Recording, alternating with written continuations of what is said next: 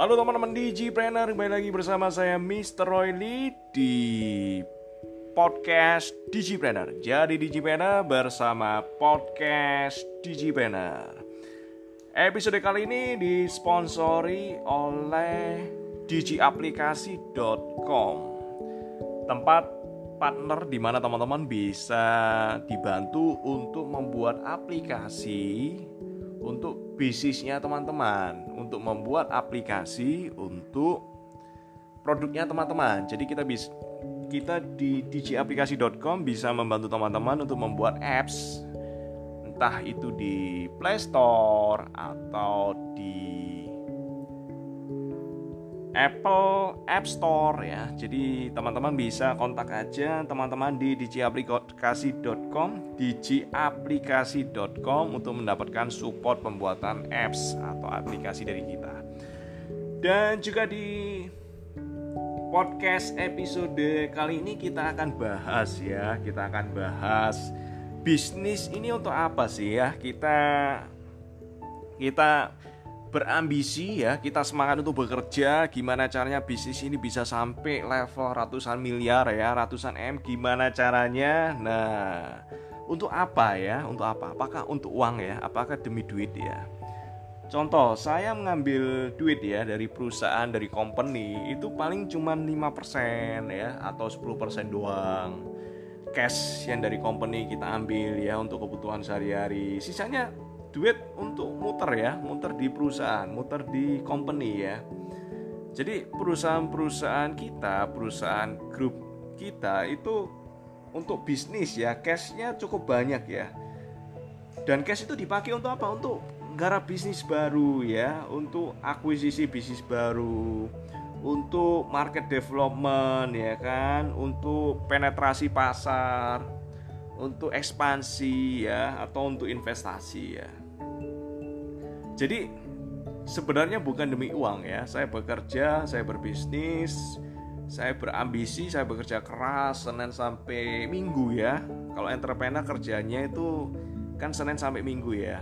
12 jam tiap hari, nggak bisa ya. Kalau Anda employee mungkin anda kerja satu hari 8 jam, Senin sampai Sabtu, Anda tetap bisa dibayar. Anda tetap dibayar kalau jadi employee.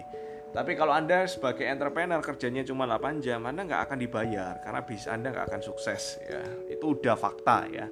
Itu fakta pertama. Jadi nggak bisa santai untuk berbisnis ya.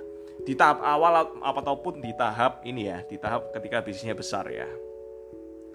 Jadi untuk apa? Terus untuk apa untuk bisnis ya? Prinsip saya saya hidup sederhana ya. Jadi kalau saya kebutuhan ya udah lebih dari cukup ya. Jalan-jalan ke luar negeri bisa udah punya rumah udah punya mobil ya. Jadi untuk apa lagi sih cari duit ya? Utang pribadi juga udah kelar ya. Kebutuhan saya juga nggak banyak sebenarnya ya. Untuk apa ya? Saya fokus ketika saya mendapatkan duit lebih, cash lebih, maka saya akan fokuskan untuk menyalurkan kedua pipa. Apa itu pipanya? Yang pertama adalah giving ya, berbagi Pipa yang kedua adalah investasi, investment ya. Sebulan mungkin kebutuhan hidup saya nggak banyak ya, mungkin sekitar 20 juta ya tiap bulan ya. Nah, tapi ngapain kok berjuang sampai omset ratusan miliar ya? Nah, kalau nggak bukan ambisi untuk bisa terus berinvestasi, untuk bisa terus berbagi. Contoh nyata ya, kita bikin podcast di Gpreneur ini juga berbagi ya kita ngeluarin biaya yang gak sedikit ya. Biaya yang besar untuk bikin podcast editing ya tim dan lain sebagainya. Dan kita juga bikin apps aplikasi-aplikasi seperti Digipreneur, Digijourney kita bikin website-website. Kita adain event-event itu biayanya besar ya. Biasanya cukup besar dan itu kita nggak berharap untuk cepat kembali ya. Kita nggak berharap untuk ROI-nya cepat kembali ya. Kenapa? Karena itu adalah saluran pipa kita untuk giving berbagi membuat dampak bagi banyak orang impact ya untuk generasi muda kita supaya lebih banyak teman-teman yang menjadi digital entrepreneur ya digipreneur ya. Jadi maksud kita adalah dan sisanya mungkin untuk investasi ya investment diputar lagi ya jadi kalau teman-teman jadi entrepreneur jangan lupakan investing. Kenapa? Karena kalau entrepreneur itu artinya kita menukarkan waktu kita untuk bekerja untuk uang ya untuk duit ya. Tapi kita juga harus membuat duit itu bekerja bagi kita ya. Nah itu yang disebut dengan leverage ya. itu nanti kita akan bahas lebih detail di episode yang lain ya.